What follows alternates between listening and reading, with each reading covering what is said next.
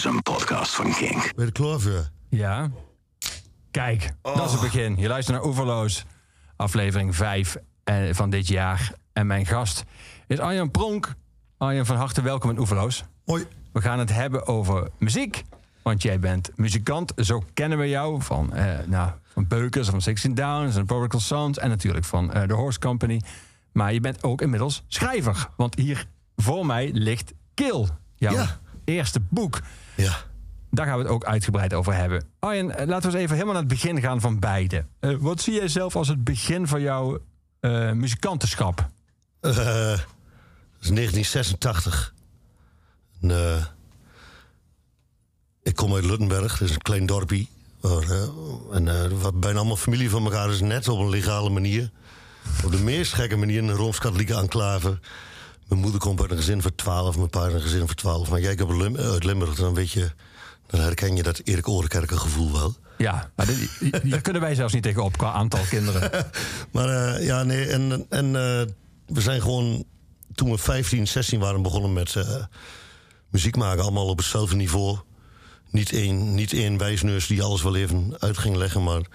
Maar 15, 16, dus allemaal op de middelbare school. Ja, klinkt heel. eh, in zo'n dorpje als Luttenberg kun je als rekel zit je bij de voetbal en als teefje zit je bij de handbal. En eh, we vonden voetbal erg gereed aan. En een achterneef van mij die drumde en een andere achterneef van mij die speelde gitaar. Toen ben ik samen met nog een kameraad van ons, de enige niet-familiefiguur in de band, zijn we een bandje begonnen. En het heette Damaged Brain. Belachelijke naam. Is eigenlijk voor de gein bedacht door Jeroen van Enkel en Lex Harding. Nee, Jeroen van Enkel en Adam Curry. Adam Curry. Want eh, ik had een meisje in de klas, ik zat op zo'n geitenwolle sokopleiding, eh agogisch werk. En eh, die was echt helemaal fan van Adam Curry.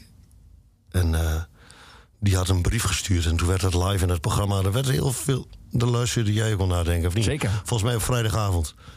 En toen werd die brief werd in die uitzending behandeld met een heleboel tromgeroffel. En toen kwam Damaged Brain. En ik kan het nog steeds niet goed uitspreken. en we dachten toen dat het heel cool was. Achteraf dacht ik, waarschijnlijk was dat eigenlijk gewoon een steek onder water naar die Uber-fan. Snap je? Ja. Maar die link legden we toen niet. En dus we hebben een tien jaar lang een bandje gehad wat zo heette. En dat traden we echt. Ik heb er pas een stukje over geschreven, over alle voorprogramma's en alles. Maar dat was in een tijd dat je zelf dacht dat de magie al weg was. Dat de 70s voorbij waren. Maar ik nu terugkijk, was dat ook, ja, oude lullige lul. Maar ehm, ja, toen was het heel normaal dat Herman Brood of Dr. Field of wat dan ook, al die bands die traden allemaal in de buurt op. En eh, dan kom je zo een beetje in voorprogramma's aan het spelen. En, eh, maar vooral gewoon in plaats van op een voetbalveld staan, kou kleumen. kleumen eh, kleumen. kleumen. Koukleumen. Ja. Raar woord. We je, gewoon- het is niet iets wat je per se mensen aanraadt over het algemeen. nee, nee. Maar we zaten dus elke zaterdagmiddag te repeteren. Bier. En elke donderdag gewoon te repeteren. En dan uh, gaandeweg eh allemaal eh, vier cassettebandjes liedjes uitzoeken. Je kent het oude Ja. gezeven wel. En die, die ene, dat ene bandlid dat geen familie was, merkte die dat? Dat is een hele goede vraag. Ik denk dat hij dat wel eens eh, gedacht heeft. Want eh, het is heel gek. En dat heeft met stamgedrag te maken, denk ik. Wat nu in de, de laatste jaren heel erg opkomt. En wat schijnbaar heel vies is. Maar ik vind het helemaal niet vies. Ik wil niet zeggen dat je met stamgedrag iemand uitsluit. Eh, het is. eh, ja, het, het is heel gek, maar die hele. Het is natuurlijk geen afgesproken club. Maar al dat volk waar we vroeger mee omgingen. eh, Ongeveer, ik denk, één vijfde deel is geen familie.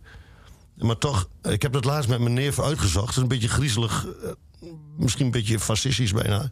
Gingen we uitzoeken van dat we. Mijn kinderen gaan ook met lui om die meerdere generaties al uit diezelfde klei komen. En dat klinkt eng, maar dat is eigenlijk niet. Maar dat is eh, hartstikke verklaarbaar, want het is gewoon, er zit gewoon in de gen en dat voelt elkaar denk ik het best aan. En je ziet dan een gemiddelde kop al wanneer hij een scheet heeft gelaten bij wijze van spreken. En, eh, en, maar dat betekent niet dat je moedwillig een keuze maakt van... hé, hey, eh, die Kjell die je hier niet vandaan, die komt er nooit tussen. Zo werkt dat niet. Maar je merkt wel gewoon dat, dat het eh, meer oude Jans Krentenbrood is. Ja. Misschien ook heel laf en ook heel slap, maar, ja, maar dat gaat vanzelf. Wat voor muziek maakten jullie met Damaged Brain? Covers. En Altijd. hele slechte eigen nummers. Maar dat is mooi. Met Bukkers hadden we altijd... we hebben ook heel lang in navelstaderige eh shoegaze-achtige muziek gemaakt. En met, maar met die eerste band speelden we covers. Er zaten we gewoon... Na al die jaren. Nee, nee, ook eigen nummers. Maar heel, er zaten wel een paar goede eigen nummers bij. Maar een beetje matige eigen nummers. Als ik nu die plaat terug hoorde, dan hadden we geen idee hoe we dat opnamen. We waren live, was het een gezellige band. En we trak ook wel, trok wel volle zaal, zeg maar. En eh, ik weet niet. Ik heb eh, in de coronatijd uitgerekend dat ik vanaf 1986 ongeveer 100 keer per jaar heb opgetreden, gemiddeld. Ook vanaf die band erbij, zeg Ja, maar. ja. Dat is best veel. Dat is heel veel. En eh, maar- jullie- dan dat die covers het beter deden dan die eigen nummers? Ja, maar dat is ook logisch toch? Dat zit allemaal in de collectieve. Is.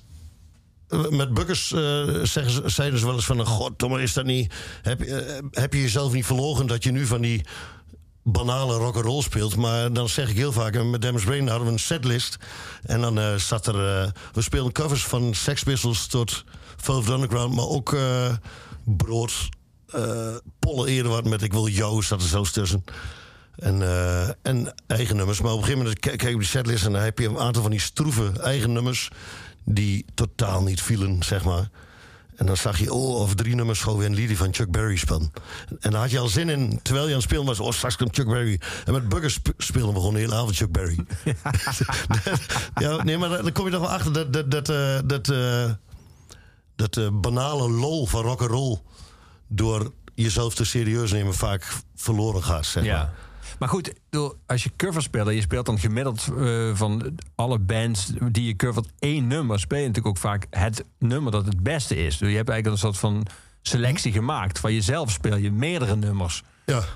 Ja, ja, maar No Fun van Stooges was bijvoorbeeld ons... eh Dead Flowers van de Stones en No Fun... die hadden we omarmd en dat werd een beetje ons, ons spul. Maar, Ja. maar, nee, maar, en, en, maar dat, dat mooie vind ik van... eh, als je jong bent, dan heb... eh, We konden echt voor gemiddelde spelen. En ik er zijn heel veel mensen die zeggen van... Oh, eh, zijn je kinderen ook zo muzikaal? Maar dat vind ik als een gelul. Als je in de maat kan klappen...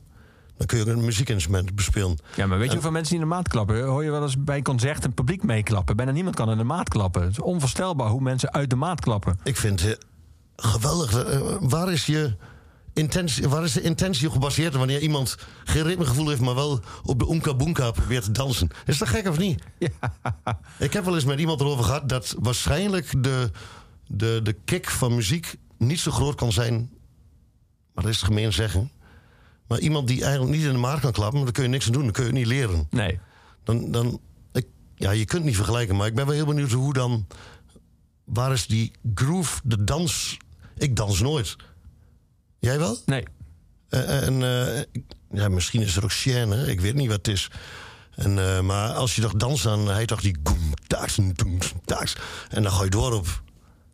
Ik ben wel heel benieuwd hoe dat werkt. Ja. Is misschien wel eens door een deskundige uitgezocht hoe dat Maar je zit. zei jullie konden niet spelen, maar kun je ti- het is bijna knap om tien jaar lang 100 keer per jaar te spelen en dan nog Ja, maar die band was niet 100 keer per jaar. Hoor. Oké. Ik tra- Met Prodigal Sons 150 keer per jaar, 16 Ja. down. 100, dan trek je dat naar een gemiddelde van 100. Maar ik kan me voorstellen, zelfs als je, ik zou bijna zeggen, zelfs als je het niet wil, ga je natuurlijk op moment beter spelen als je heel veel speelt. Eenmaal lol hebt. Eh, als je eh, allemaal woest banale clichés, maar als je lol hebt, gaat het vanzelf. En eh, ze nemen het ook op de koop toe, ze zien van die snotneuzen.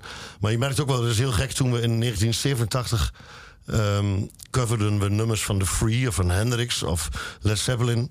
En dan zeiden al die lui bij ons in de buurt van... Goh, wat mooi hè, die jonge jongens die die oude muziek spelen. Maar lui die nu Nirvana spelen... dat gat is nog veel groter. Maar dat voelt niet groter. Nee. Dat komt dat elke decennium heeft... volgens mij... doordat in de jaren negentig had je volgens mij... voor het eerst dat er meer revival retro-achtige bent Ja. van. De Black Crows was eigenlijk gewoon Small Faces, maar dan... En in, in de jaren 70 kon je geen, niet echt een retro-band zijn, denk ik. Nee. Klinkt ook walgelijk Ja. een retro-band. Maar volgens mij is dat begonnen in de jaren 90. Waardoor elk decennium iets onzichtbaar is geworden, denk je niet? Dat is wel een hele interessante theorie. Ik denk dat die zo. Ik heb hem nog nooit gehoord, maar volgens mij klopt die grotendeels wel. Ja. Denk ik ook wel. Maar, maar dat komt ook omdat je zoveel ouder wordt. Maar ik kan de zeros... Ja, dat, is voor mij al nauwelijks te pakken, zeg maar. Dat weet, weet ik niet zo goed hoe dat zit. Dat was het begin van jouw muzikantendom. Eh Wat was het begin van jouw schrijven voor jou? Want we hebben het nu over, eh, we praten aanleiding van het uitkomen van Kill, jouw boek. Maar wat beschouw je zelf als het begin van jouw schrijverschap? Ja, ik, maar ik ben, niet- ik, heb, ik ben niet een figuur die zegt van ik ben echt een Luttenberger of ik ben een Nederlander of ik ben een Europeaan of ik ben een schrijver of ik ben een muzikant. Dan zeg ik het wel. Je hebt nu een boek, dus je bent nu een schrijver. Ja, Mijn maar- vraag is, wanneer is dat begonnen? Dat, dat, dat, eh, ik denk dat het, eh, als je een lulzak bent... Ik denk dat in de kroeg zitten en lullen hetzelfde is als schrijven, toch? Ik schrijf nu gewoon op wat ik lul. En eh, muziek maken is ook een beetje... ik wil dat niet romantiseren of mooi maken dan het is... maar volgens mij heeft ze liedjes bedenken en... Af, bedenken zeg ik ook van, maar het is eigenlijk geen bedenken. Ik ga altijd... ehm, ik ga nooit, ik loop nooit door het dorp en dat ik dan denk... eh, Godverdomme. Die irritante bladblazers. Lok door maar een stukje afschrijven. Maar dan ben ik gewoon kels met erectieprobleem. Zoiets. Dat denk ik. Ik ga altijd... dan doe ik mijn liedjes ook. Ga gewoon zitten. En dan valt ook het knap of wat dan ook weg. Eh, Er zijn mensen wel knap dat je het kunt. Maar ik ga gewoon zitten. En eh, dan komt het, komt het, het onbewuste. Is toch wel iets geks. Het, ik doe niks meer voorbedachte raden. En dan ga ik zitten. En ik ben dan ook niet van plan. Ik heb ook niet een uur per dag dat ik denk van... Nu ga ik zit daar in de kelder. Ik heb thuis een kelder. Ik woon in een huis wat vroeger hotel was. En er zit een kelder waar we altijd met bands repeteren. Waar met de Horse ook wat platen op hebben genomen. Met bukkers ook clips op hebben genomen. Dat soort dingen. En, ehm, maar dan zit ik dan een pilsje te drinken. En dan, ja, dan komt er zo. En dag daarna denk ik. Ik heb ook nog stukjes geschreven.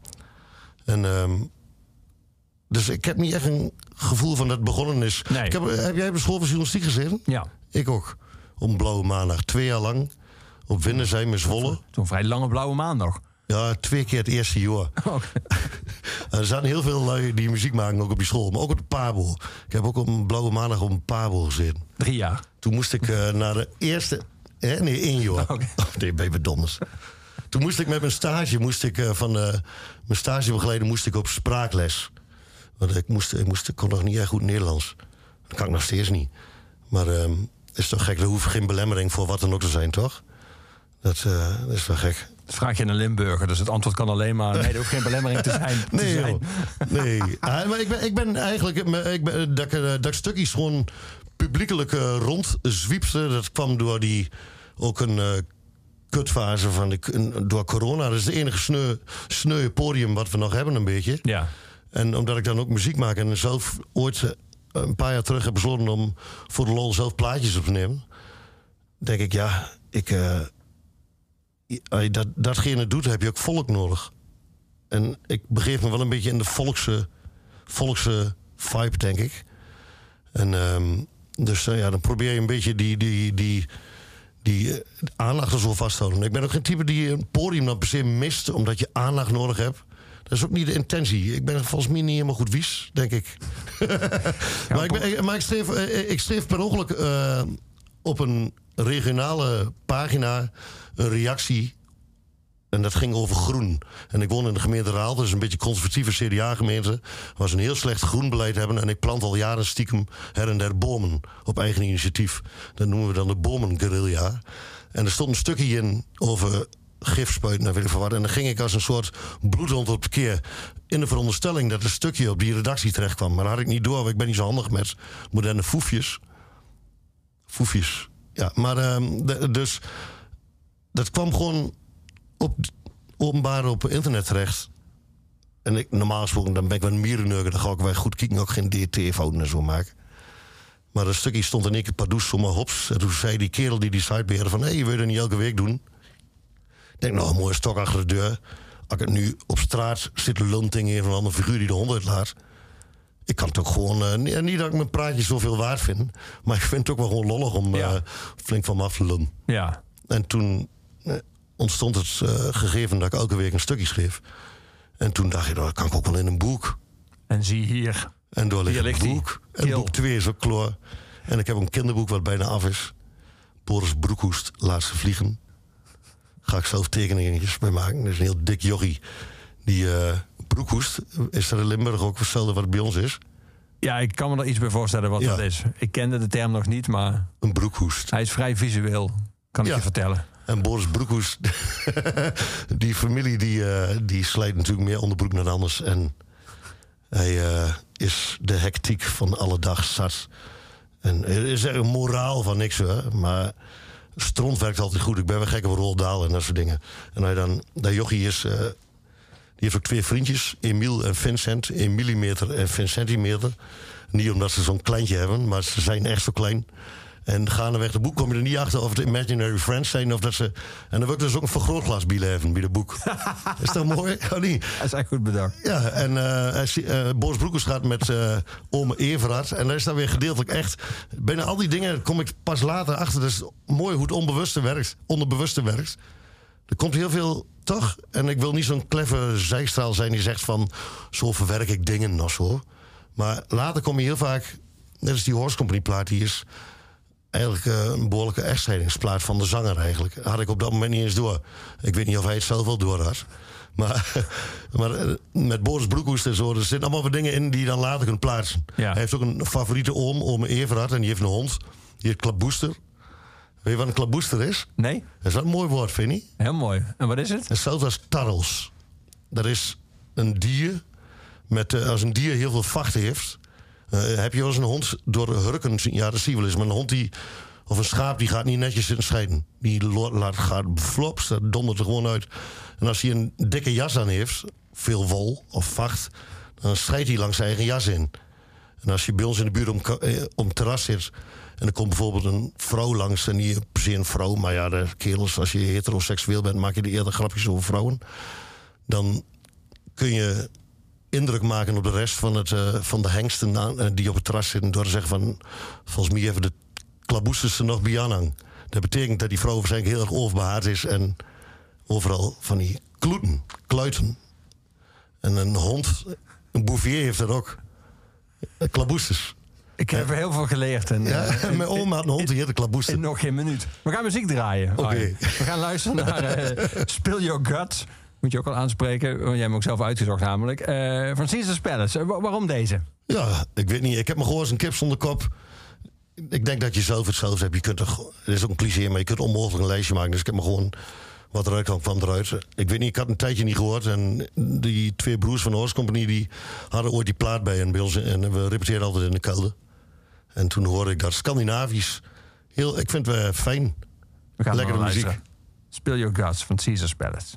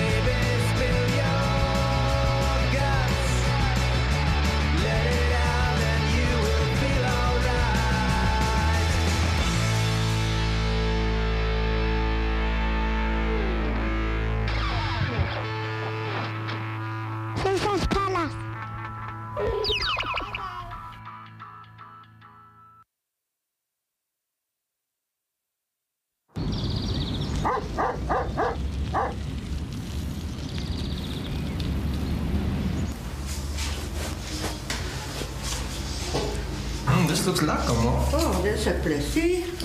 Dank je.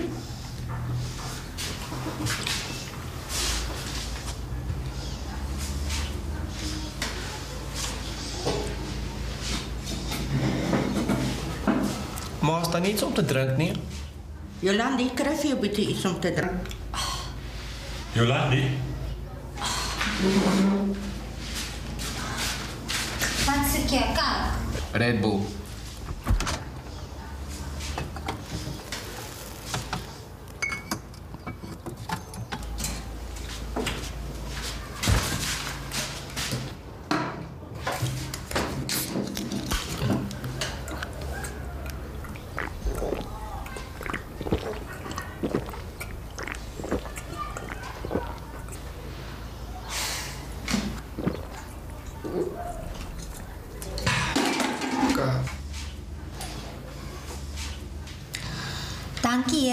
Die lekker kos wat ma vir ons gemaak het en dankie dat al ons konserte so mooi uitverkoop het in die oorsee. En dankie Here dat ek sulke nice klere daar kon gekoop het. En dankie Here vir Satan. O en dankie Here dat ek op die voorblad van die nuwe FHM gaan wees. En seën asseblief die kos wat ons vandag gaan eet. Amen.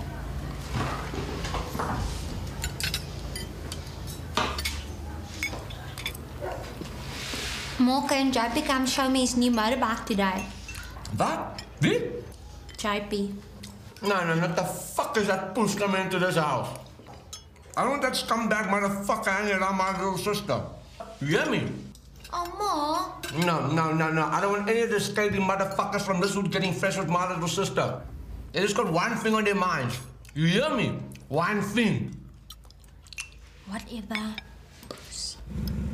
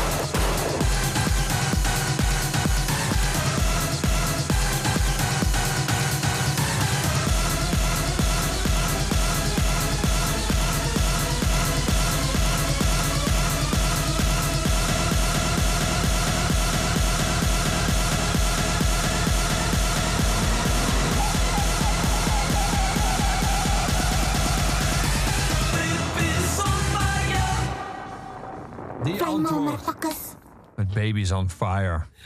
Geweldig nummer, geweldige live. En een geweldige clip ook. Live, heb je ze live gezien? Ja. Hoe is dat? Is dat dan, Heel goed. ja. Zie je dan alleen die twee? Ja, een MC erbij. Ja, Dat is echt, maar heel veel meer hebben ze ook niet nodig om het Nee. publiek eh, op te zwepen. Ik, heb, ik had een lange versie met eh, inclusief alles wat in de clip zit, omdat het wel leuk is, omdat het over taal gaat. Ehm, zou je eens kunnen vertellen, want dat is eh, het vierde verhaal uit, uit jouw bundel.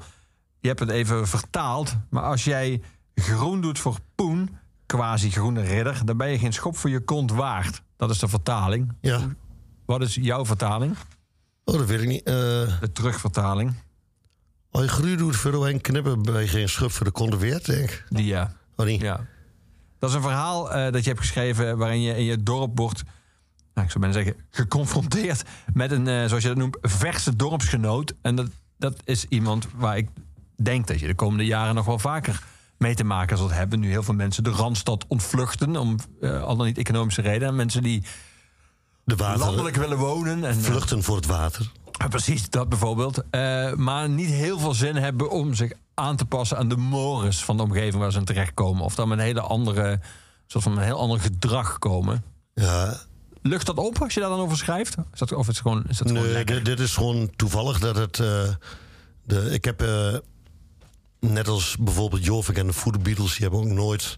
Deden met, met Buggers ook niet. We gingen nooit... eh, ik heb niks tegen lui in de stad. Er is toch niks zo gênant als eh, die... Die, eh, die, die, die splijtswam in de benen te houden. Nee, maar ik, En- ik, en, heb, het- ik- heb het ook niet gelezen als een, tirade Nee. tegen mensen te stappen. Meer uit een bepaald type mens. Ja. Dat, eh, Ja, ja, dat klopt. En eh, dat is helaas eh, niet alleen aan de randstedeling. Dat is, zit ook in de jeugd van tegenwoordig. Niet in de band, maar in het hele gevoel. Ja, ik, ik heb een, wel een. ik hou er niet van. Bij ons op de basisschool bijvoorbeeld, daar hebben ze ook zonnepanelen. En dan, als je niet oppast, dan gaan een paar eeuwenoude bomen tegen de vlakte. Omdat ze die zonnepanelen in de weg zitten. Dat is natuurlijk hartstikke krom. ja. En ik zie wel heel vaak kromme dingen om me heen. Er, worden zo, er wordt bij ons in de buurt ook heel klakkeloos met groen omgegaan. Ja, als iets wel een rode draad is in jouw bundel, is het wel het belang dat jij hecht aan groen en het gebrek aan belang dat veel anderen daarin zien. Al dan niet overheden of mensen. Ja, als je al weet dat eh, op, eh, in ziekenhuizen waar er terminale patiënten liggen... dat alleen een behang wat een bos suggereert... al voor een beter gevoel zorgt... zonder dat ze dat waarschijnlijk kunnen duiden. Maar dat is uitgezocht. Dan weet je al wat voor apen we zijn, toch? En als je in tijd van corona door het bos loopt... en ik woon dan... Luttenberg is het kleinste dorpje... of het kleinste bergje van de Sallandse Heuvelrug... Ik noem dat altijd voor de grap de Sallandse reuzelrug. Maar dat is ook weer een scheldwoord voor mensen met een heel dikke nek. Maar eh, Halenberg, Holtenberg, Lemelenberg. Dat zit allemaal dus vrij toeristisch in de zomer. En eh, door corona, als je nu op de Lemelenberg loopt op zondag... dan heet godverdomme het gevoel dat je op de Efteling loopt. Echt, dan word je gillend gek. Er zijn te veel mensen en te weinig bomen. En door de ruilverkaveling sinds jaren 50 is dat allemaal zo genadeloos vernield. En als je ziet wat voor deprimerende zelfmoordtuintjes mensen hebben... die vol zitten met nou, het gevoel dat je op een kerk afloopt. Allemaal grind en stenen en quasi-chicheid. En eh, als je al die vierkante meters bij elkaar optelt... en we allemaal wel een fatsoenlijke tuin hebben... Is dat bij jullie? Ik, ik woon- Aangeharkte Ik woon sinds drie jaar in, in, in, Zuid-Limburg. En ik ben er, voor mij is het nieuw om te zien dat er heel veel mensen... Ja, ik wil niet zeggen een tuin noemen... maar dat ze een soort graftombe hebben gemaakt... Ja, van het gedeelte ja. voor hun huis. En, zo, eh, en het merkwaardig is dat die mensen vaak dan aan de rand wonen van een groen gebied... wat het suggereert dat ze kennelijk van groen Ja. houden. Ja. Maar hun eigen groen bestaat uit kiezels of grote zwarte plakaten. mensen, mensen met geen goed wies, toch? Ik heb eh, tien jaar lang een winkel gehad met allemaal vintage spul. Daar hadden we het net met de koffie over. En eh, ik heb tantes bijvoorbeeld, die hebben een abonnement op woonbladen... waar af en toe spullen van, die uit mijn winkel kwamen in stonden. Maar die mensen waar het abonnement op gebaseerd is, weet ik dan vaak niet. Want ik, had, ik begeleide mensen met een verstandelijke handicap, vervrommelde me- medemensen. En, en eh, mijn ouders wonen... Verrommelde medemensen, Ja. dat is een mooie term. Ja, als je, eh, wat ik net al zei, een onderdeel bent van zo'n hele grote rooms-katholieke familie, dan zit er altijd wel een paar bij die of naar seminarie gaan. die zijn niet verfrommeld, die zijn alleen geestelijk verfrommeld. Maar eh, er zitten altijd wel een paar dorpsgekken tussen, toch? En voordat je het weet, ben je er zelf in. Dus dan praat je ook makkelijker over andere mensen. En die hoef je niet weg te stoppen.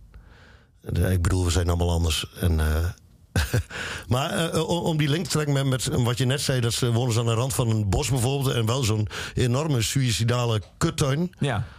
Dat, dat is een beetje te vergelijken met dat, eh, dat eh, omdat ik verstandig gehandicapte mensen in, op die werkplek had, durven ze heel vaak niet naar binnen toe. Want dat vinden ze eng. En, eh, maar als ze dan wel op een zondag bijvoorbeeld langskwamen, gingen ze in die winkel rondkijken. En dan gingen ze denigrerende dingen zeggen van. wat voor volk koopt dat allemaal? Allemaal volk wat in de schuldsanering zit? Of jongeren die op kamers gaan, terwijl ik juist allemaal spullen vergade... wat vroeger alleen maar bij bijvoorbeeld de bijenkorf te koop was. Waar mensen echt moeite voor deden om te kopen. Die link leggen ze niet. En dan hebben ze wel bijvoorbeeld een, de happiness en de flow of de 14 wonen thuis liggen. En er staan die dingen in. Want heel toevallig is de art director van happiness en de flow zeggen niet om op te scheppen. Maar dat zijn wel een beetje vrouwenbladen, denk ik. Dat mag je tegenwoordig niet zeggen, maar dat zeg ik keihard. En ehm, die, die eh, ze belden mij eens op. Heb je een leuke tuinzet? Want we hebben een jaren 60 item of zo. En ik was een veel goedkoper adres dan een gemiddelde vintage winkel in Amsterdam of zo. Dus dan kwamen ze bij ons. En er stonden vervolgens in het blad. Maar die mensen die dus dat blad lezen, leggen dan die. Snap je? En als ze bij me thuis komen, doen ze uitlacherig. Maar ze hebben wel dat blad. Dat zeg ik niet. En dan kom je dus achter dat mensen eigenlijk dat twee op de drie laat zich van alles wijsmaken. En lui met zo'n depressieve kuttuin, die hebben waarschijnlijk weinig tijd. Of die willen praktisch alles aan kant. En dan laten ze zich door een of andere flapdrol wijsmaken dat dit in is. En dan Ja, loop is je in Zuid-Limburg al Dat is finaal zich achter. waar. Dit is in, helaas. Ja, Ja, Die- ja. Bij ons in de buurt ook. Let maar eens op apenbomen. Ik heb een keer een stukje geschreven over apenbomen. Weet je wat dat is? Het is een boom wat officieel uit China of zo komt. En dat is een beetje een, ik zie het een beetje als een kietsboom. Dat, dat is net eh, een beetje een kunstkerstboom met hele verspreide takken. En als je bij ons in de buurt rondrijdt, dan zie je heel veel van die zelfmoorderven. Helemaal niks met us. En dan zeg ik, ik heb ooit een keer op TV Oost een grap gemaakt. Toen vroeg degene aan mij van, nee, of toen gingen we met de beperkte medemens bomen planten.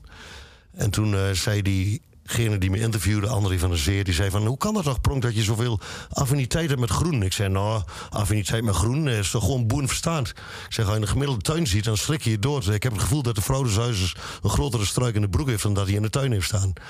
En dat heb ik in dialect gezegd, dat verstond niemand. Mijn pa verstond. Die heeft dat wel verstaan. verstaan. Die zei nou steeds van, dat kun je godverdomme niet maken. Dat is op televisie. Dat is op televisie zegt. Maar hij was waarschijnlijk de enige. Maar dat is wel zo. Maar die apenbomen had je het over. Dat is, Ja. dat is een soort trendboom dan. Nou, nee, nee want die, die bomen zijn best dik. Dan staan ze al wel jaren. Maar mensen die een hekel aan groen hebben... en blad in de goot... of dat soort dingen... en allemaal tegels... ja, ik denk als je zelf blad in je goot hebt... dan heb je echt een probleem. En die dakgoot is er toch voor, of niet? En, maar die, die, die staan allemaal bij mensen in de tuin... die allemaal een klotentuin hebben. Let maar eens op. Als je een apenboom ziet, ik zal je straks een foto sturen. Als je die boom ziet, dan weet je dat buxushaag is een apenboom. Dat is een huwelijk. en als je dat ziet, ja, dat, dat zie je heel veel. made in hell. Ja, ik wil ook heel graag. Ik zie wel waar wel bomen staan hoor. Maar erop let, zie je vooral waar geen bomen staan. En dan valt hij daarop. Dan moet je je gemoed niet door aan flarden beuken.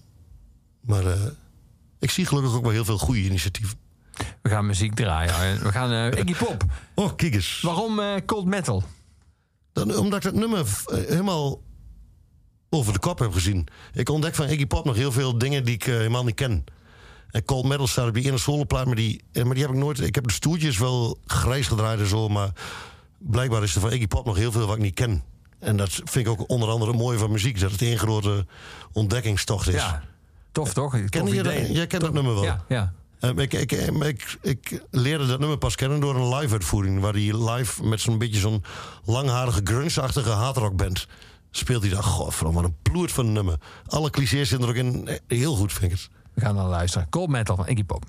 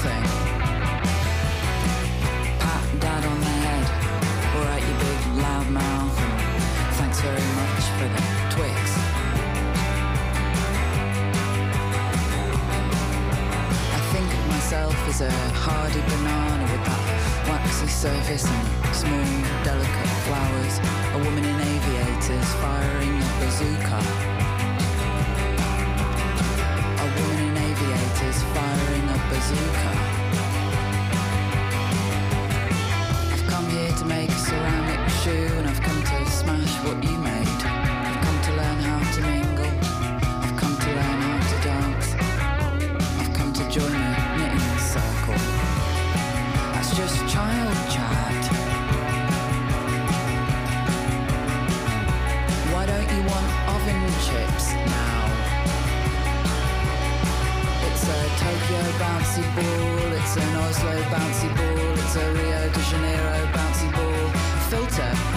Love oaks, don't you? Do everything and feel nothing. Wristband, theme park, scratch card, lanyard. Do everything and feel nothing. Do everything and feel nothing.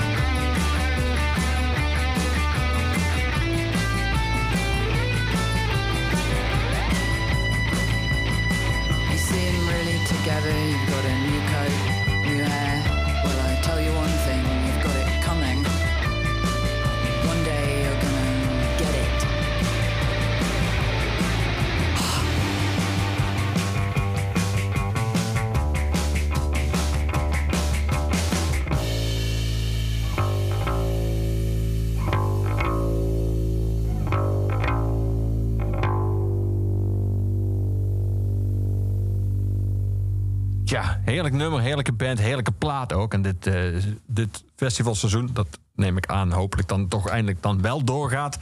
Staan ze ook op veel grote festivals. Je luistert naar eh Scratchyard, eh Leonard van Dry Cleaning. Een keuze van mijn gast vandaag hier in Oeverloos. Arjen Pronk, we hebben het over gepraat. De aanleiding van Kill, zijn bundel. Met, ja, hoe zou je het zelf eigenlijk omschrijven? Het zijn columns, maar het zijn eigenlijk ook af en toe gewoon korte verhalen. Het is, het het het ja, hoe, wat, wat, wat, wat vind je dezelfde dekkende term? Nou, ik vind het fijn wanneer je liedjes uit je broekspijp laat schudden... of verhaaltjes, dat je geen kader hebt. En naar je columns of zo, eh, dan niet dat ik eh, dat ambieer of zo... maar dan heb je toch te maken met een aantal letters en woorden. En ik denk, ik ga gewoon vrijuit raaskallen, zonder gaas, heb ik dat ook genoemd. En dan ga je gewoon eh, tekeer. En eh, eh, ik weet niet, het zijn geen columns, maar het zijn gewoon allemaal korte verhaaltjes. Ideaal voor op de wc, zeg ik wel eens. Sommige zijn ook op de wc ontstaan. maar ik weet helemaal niet meer wat je vroeg. Nou, dat. Ik vroeg hoe je, hoe je ze zelf zou omschrijven, inderdaad. Korte stukjes. Stukjes noemen we het. In, in onze taal dan. Ik heb ook een website. Dat is een beetje ouderwets. Een kerel uit Holten. Die vond het frustrerend dat je op internet niks kon vinden, zeg maar. Dus nu hebben we een website waar er liedjes op staan. En dingen die een link met me hebben. En ook dat eh, al die stukjes komen elke week erop. Onder de categorie stukjes. Dus ik noem maar gewoon stukjes. Stukjes, dat zijn het, ja. En ik kan gewoon. En dat vind ik ook het mooie. Ook het mooie van muziek. Met muziek heb je dan heel vaak, soms helaas, maar vaak is het ook een, een, een een, eh, een, een, een rijk iets wat verrijkt, zeg maar, dat je elkaar beïnvloedt en kruisbestuiving. Maar het mooie is met, eh, daarom ben ik ook zelf eh, heb ik ook een plaat opgenomen dat je geen niks hoeft te overleggen. En niet omdat ik zo'n groot ego heb, maar ik vind het ook wel lekker om iets wat intrinsiek uit jezelf komt, om dat zo huppatee, zonder enig vingertje of iemand die, te- die er wat van vindt, om het gewoon lekker eruit te kletsen. Ja. En dat heb ik ook iets, gedaan. Je schrijft ook over taal, over je liefde voor de taal. En moment schrijf je dan... eh, mijn taal. Met man en macht werd dat dan nog niet zo lang geleden uitgeramd. Dat was een raar gevoel. Velen zullen het herkennen. Je eigen vertrouwde taal, zo vanzelfsprekend, bleek iets fouts en stoms te zijn. Op de kleuter en vooral de basisschool werden we gedresseerd als knuppeltjes. En op het voortgezet onderwijs leek er ook een meerderheid te zijn die hun roots was kwijtgeraakt. En dan beschrijf je eigenlijk daarna een soort van bewondering voor, Nederlandse, voor de hip-hop scene, de, Neder- de nederhop scene. Je zegt de, de Nederlandse hip-hops hebben dat wel in de smiezen. In de hip-hop cultuur is in je eigen taal praten cool. In de boerenrock daarentegen is men vooral bezig met zichzelf profileren vanuit een minderwaardigheidscomplex. ja. Heb je dat zelf nooit gehad? Heb je altijd een soort trots gevoeld en een soort liefde gevoeld voor je Nou, eigen taal? Nee, ik heb. eh een goede vraag trouwens. Maar trots vind ik altijd een beetje. Ik vind trots op een, het overwinnen van een spinnenfobie of zo. Maar trots, ja, dat snap ik wel. Maar trots op waar je vandaan komt, slaat natuurlijk nergens op. En we, we Nou, maken laten we met- zeggen liefde voor je taal. Of- of- ja, ik heb wel liefde voor de taal. En ik vind. ehm, nou ja. eh, En ehm, dat kreeg geen vat op jou toen je op de middelbare school en de lagere school merkte dat leraren vonden dat je dat. eh, dat, dat, dat, dat, dat bracht je niet in verwarring toen. Of wel? Nee, nee. Ik vond het wel lastig. Want eh, ik, ik heb een gevoel zoals nu doe ik ook een poging tot ABN. En dan is dat ABN met een moddervet accent. Maar ik kom beter uit de verf wanneer ik gewoon lekker kan lullen zoals ik lul. Iedereen kent het cliché wel van... je kunt eh, het beste boos zijn in je eigen taal... of je emoties uiten. Ja. Toch? Als jij boos wordt, dan ga je denk ik niet in Hooghaal en Dijks lullen... maar in het Limburgs. Toch? En dan weet iedereen dat hij uit de voeten moet. eh, dat hij zich uit de voeten moet maken. Want dan is het wel erg. Dan is het wel ernstig. Maar ehm, nee, ik, ik heb. ehm, dat is ook zo. Ik heb ook in een stukje gezet. Algemeen beschaafd Nederlands is een, zeer gênante term. Ik vind eh, eh, een standbeeld weghalen van Michiel de Ruiter bijvoorbeeld. Vind ik ook kul. En eh, ik vind als je kinderen hebt of gewoon met mensen eh, over straat loopt en je loopt langs een standbeeld van een dubieus figuur, dan krijg je in ieder geval de kans om te, uit te leggen waarom dat eventueel een dubieus figuur is. Als je het allemaal wegstopt, je moet de Bijbel niet verbieden, maar je moet Mein Kampf niet verbieden. En ehm, dan kun je in ieder geval uitleggen dat het toen gezien werd als een held, maar dat we er met de ogen van nu naar kijken, dat hij in die andere tijd eh, ook een slavenhandelaar was, dat het helemaal niet zo cool is. Als je het allemaal wegstopt, dan, eh, dan haal je dat hele. Niet, niet om de wijsneus uit te hangen en andere mensen dingen te leren. Maar de B van algemeen beschaafd Nederlands is eigenlijk net zo gênant.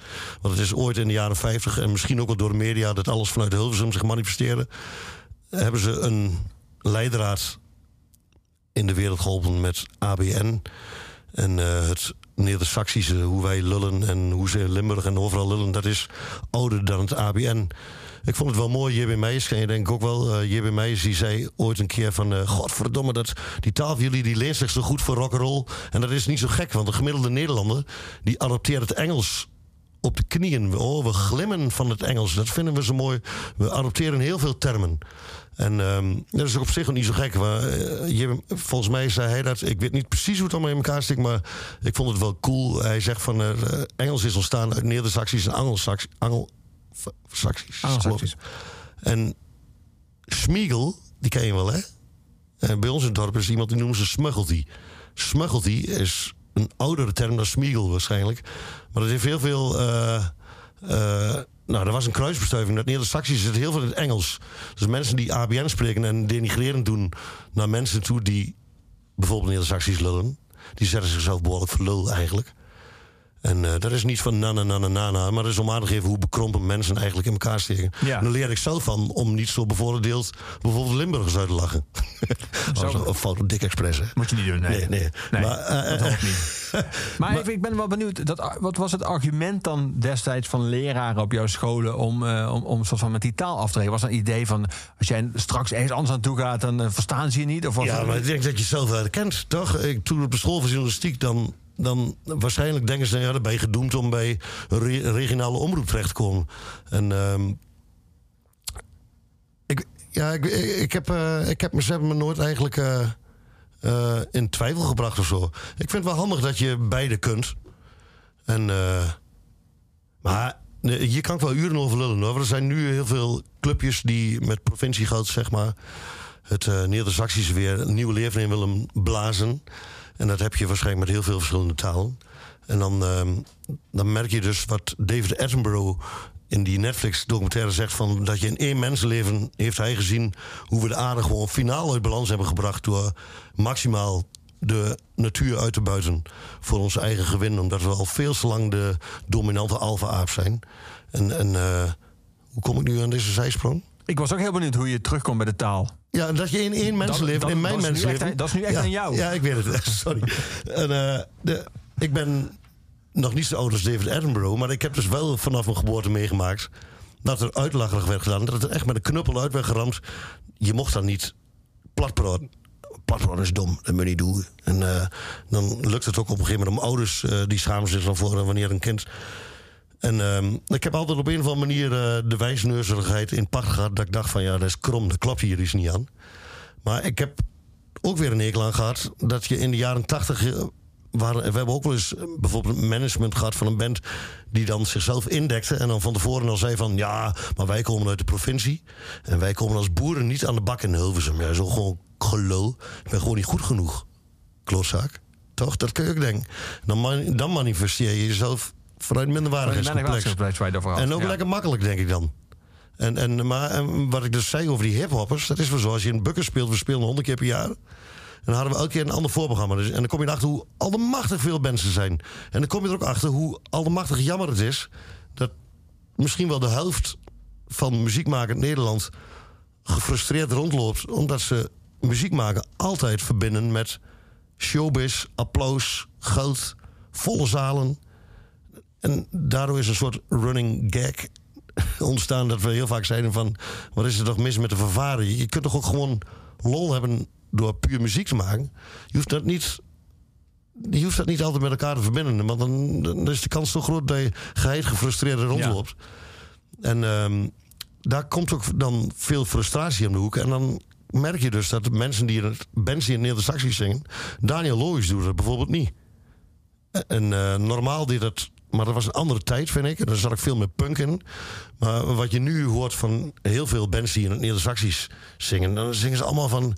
We al die stadsen hier. Blief van onze taal af. Er zit niemand aan je taal. Lul. Dan word je gewoon een beetje pissen van. Maar Ik hoor het. Kom op, man. Ja. Ja. Nee, ja. We gaan muziek draaien. Ja. We gaan luisteren naar Big Star. Waarom, eh, waarom deze? Waarom Oh. 13 van Big Star? Gewoon donders mooi nummer. Goede band. Ik weet niet. Ook wel een pionier van een band. Er zit heel veel... eh nou, Dinosaur Jr. en Nada Surf en de Posies en al dat soort bands. Het is een beetje flauw om te zeggen Beatlesk, want dat zegt dan iedereen. Maar een melodie hoeft niet per se Beatlesk te zijn, denk ik. Maar ik vind het gewoon een lekkere originele band. Heel kort bestaan, goede documentaire van Netflix. Ja, lekkere luisteren. muziek. Big Star.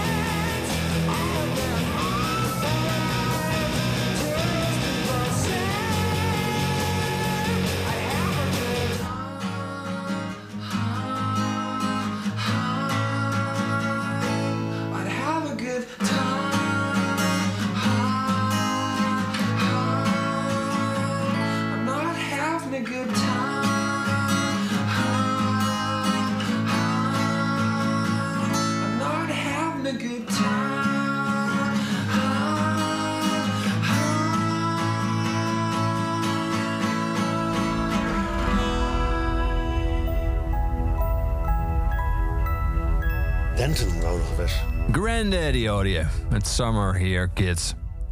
Mooi nummer. Keuze van jou. Ooit live gezien? Ja, op Lowlands. Goeie En? band. Hoe belangrijk is dat voor jou? Als een band dan goed live is, eh, dan, dan, dan klopt alles. Maar als een band bijvoorbeeld live tegenvalt, heeft dat dan voor jou ook effect op de plaat? Nee. Nee? Moet je als twee verschillende dingen zien, vind je niet? Ik, ik vind... ehm, Het- ik, ik vind dat zelf wel, maar ik merk dat het niet altijd zo werkt bij mij. nee, dat klopt. Dus er komt een soort smetje op dan of zo. Ja, dat denk ik van, je kunt er ergens een zak van. Ja, of je hebt er geen zin in. Dat vind je misschien nog wel erger. Bands die met Ja, tekens maar- in op het podium staan.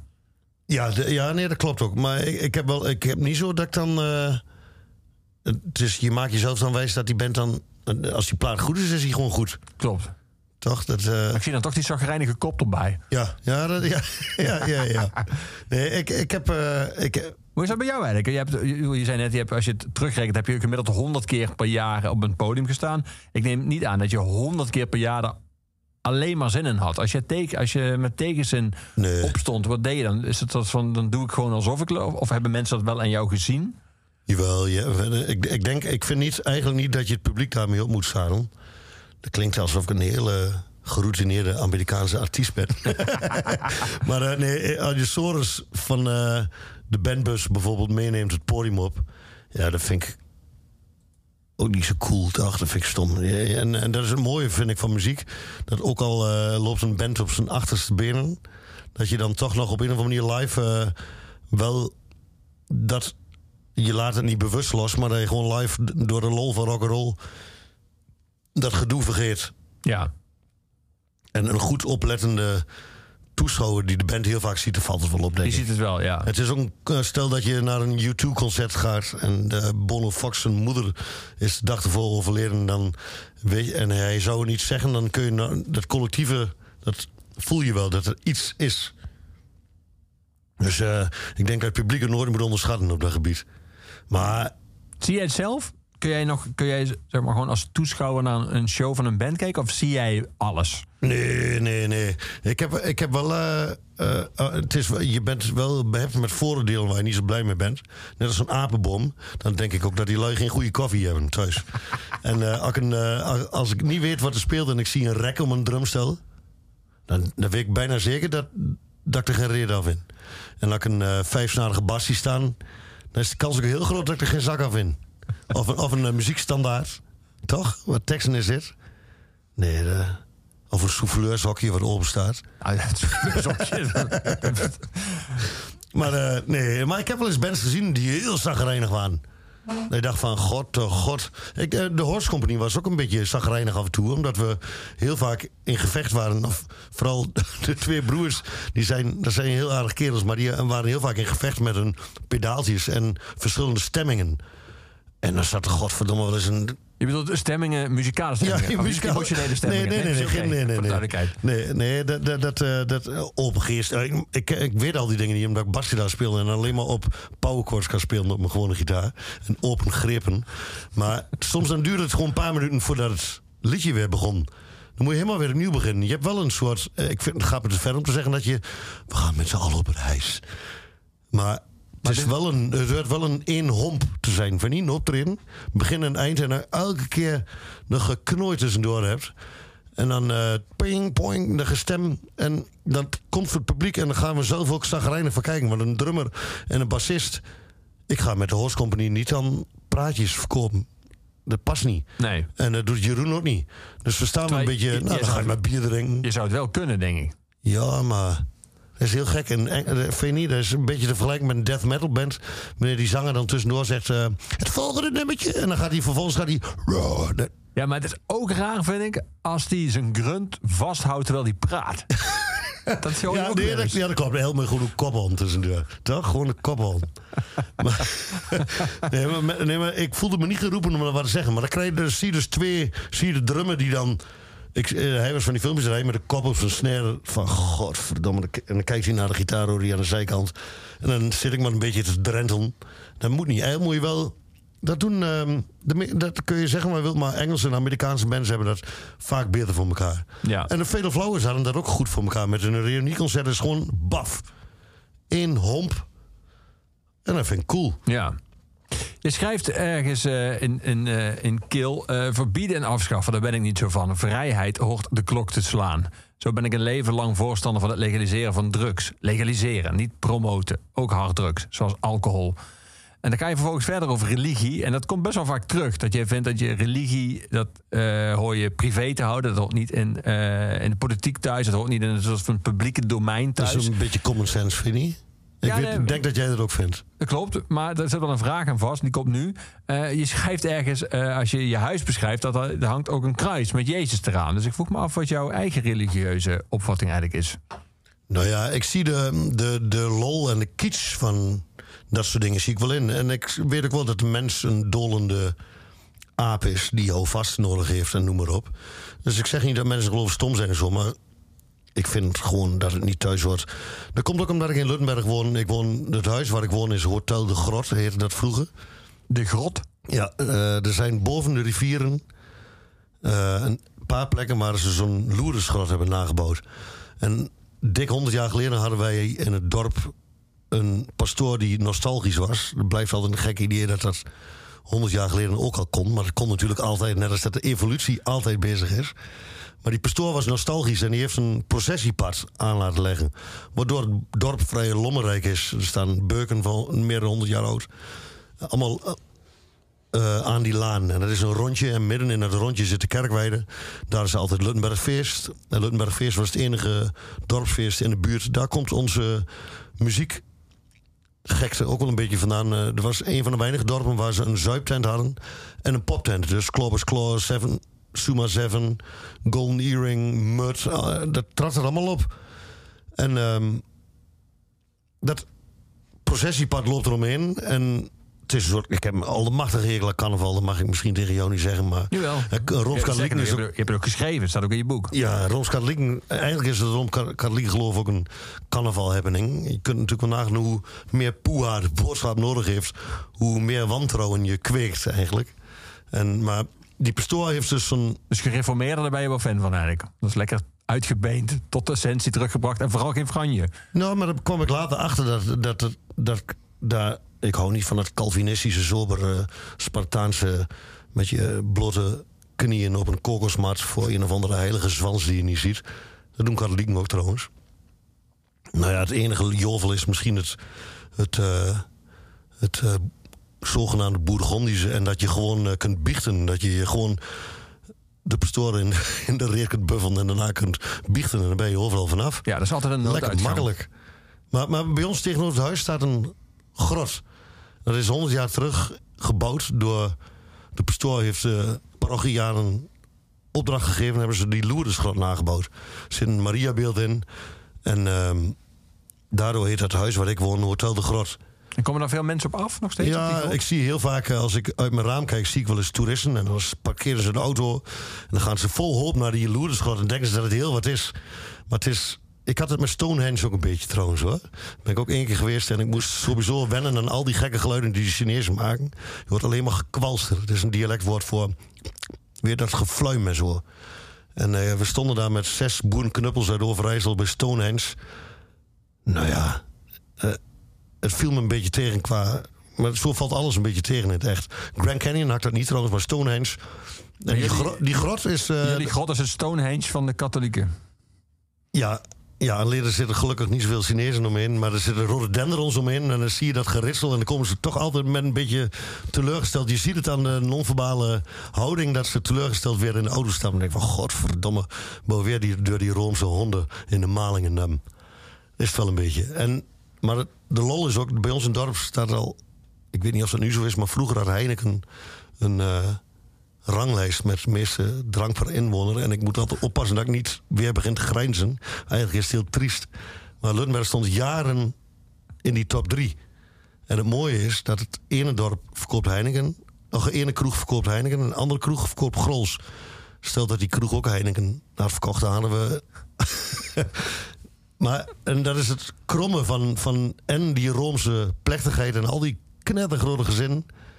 En de wetenswaardigheid dat kinderen die afstierven voordat ze gedoopt werden, achter de heg werden gegooid. Daar komt die uitdrukking van, gooi maar achter de heg. En het hypocriete van al dat gezeik en die angst en flikker toch op. Dan ga je daar tegen afzetten als puber. En ik voel me eigenlijk altijd wel een beetje een puber. Maar vooral dat, dat dualistische, of hoe zeg je dat? Ja. Dat eh, viel wel op, waardoor je er ook wel de lol van in ziet. Ja. Maar bijvoorbeeld als er dan bij jou in huis wel een Jezusbeeldje hangt, of een Christusbeeldje, dan is dat eigenlijk puur vanwege de, de symboliek en de... Ja, ik vind, en eh, als je. Ik ken een kerel uit het dorp die zegt van. eh, we moeten de kerk een keer afvikken. Die kerken, moet, die kerken met voet hier. Dan denk ik, ja, nee, dat is net zoiets als. eh, een, in bij ons dorp stond ook een hele mooie oude molen. Die is ooit afgebrand. En ik vind een molen weghalen en een kerk weghalen, dat is meer cultuur, historische waarde. Ja, dat denk ik van de erfgoed. Ja. Ja. En dat het dan toevallig religieus is. eh, nee, ik vind dat er net zo goed bij horen. Ik krijg zelfs dat eh, hele weege thuisgevoel ook. Ben ik ook mee behept. Dat ik- Dat ik ook zo'n kerktoren dan zie je opdoen. Dan denk ik, eh, oh, ben je weer thuis. Ja. Het is zo, ja, het is een roggebrood. En ehm, We gaan een blokje rock draaien, tot slot. Harde rock. We gaan de Queens of the Stone Age draaien en daarna Peter Pan Speed Rock. Ehm, waarom staan de Queens of the Stone Age in jouw lijstje? Och, nou ja, een van de beste mensen die ik live zag in de Melkweg. Toen David Grohl erbij drumde. Zo. En dat we allemaal, we waren met, met vijf mannen zo uit het dorp. En we dachten gingen allemaal geroezemoes van. Waarschijnlijk doet Dave Grohl meer. Niet dat het dan per se een meerwaarde is, maar dat maakt het nog wel extra cool. Die tent was uitverkocht en we waren zo lam als een aap eigenlijk allemaal. En het was goed, jongen. We hebben nog nooit volgens mij een concert meegemaakt... waar we zo vaak tussendoor, tussen de liedjes door van... Ho, ho, godverdamme. Weer dat gevoel. Dat kippengevoel van... Dat was echt steengoed. Als je die plaat voor het eerst hoort, live... Volgens mij stond hij nog niet op internet, internet of zo. Ik weet niet, maar ik, voor ons was het eh, nieuw. En als je dan zo ziet, en dan zo'n geoliede machine die ook live... elk liedje ook nog weer een, nog cooler eindram batsen. Was steengoed. Ja, was mooi. Queens of the Stone Age.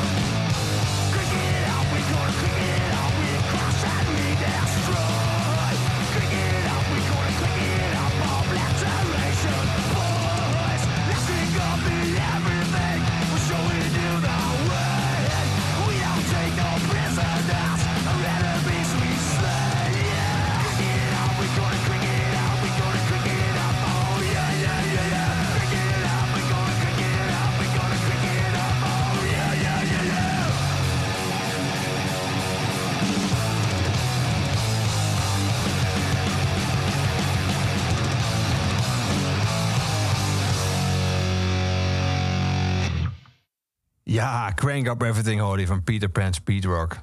Dat hoef ik denk ik niet te vragen of je die ooit live hebt gezien. Vagen. Dat neem ik aan, ja. En ze bestaan band. weer. Dus we gaan af en toe weer spelen. Ja, te gek. Wil ik wel zien. Ik ook. Goeie, eh, aardig volk. No poespas.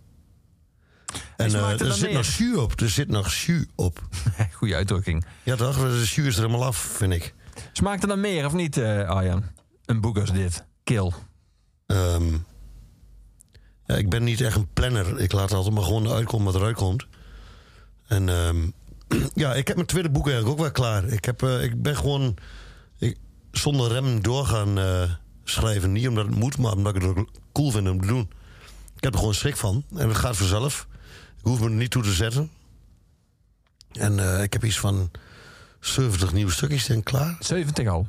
Oké. Net als... Maar ik met liedjes ook. Ik heb denk ik 300, 350 liedjes. Niet allemaal uitgekristalliseerd, maar allemaal wel met alle basisingrediënten. En heus niet allemaal de moeite waard om een ander mee lastig te vallen. maar als het komt, dan komt het. En ik neem alles op met mijn dictafoon. En ik heb zo'n Apple computertje. Ik ben een enorme kneus op het gebied van knopjes. En, ehm, maar eh, ja, ik, ik neem altijd alles wel op. En eh, ik heb niet eh, de jaren om het allemaal nog uit te werken. Dit kan niet. Ja, ik, vind wel, ik vind het wel fijn om, eh, om het niet te dempen, zeg maar. Als het Ja. eruit komt, dan komt het eruit.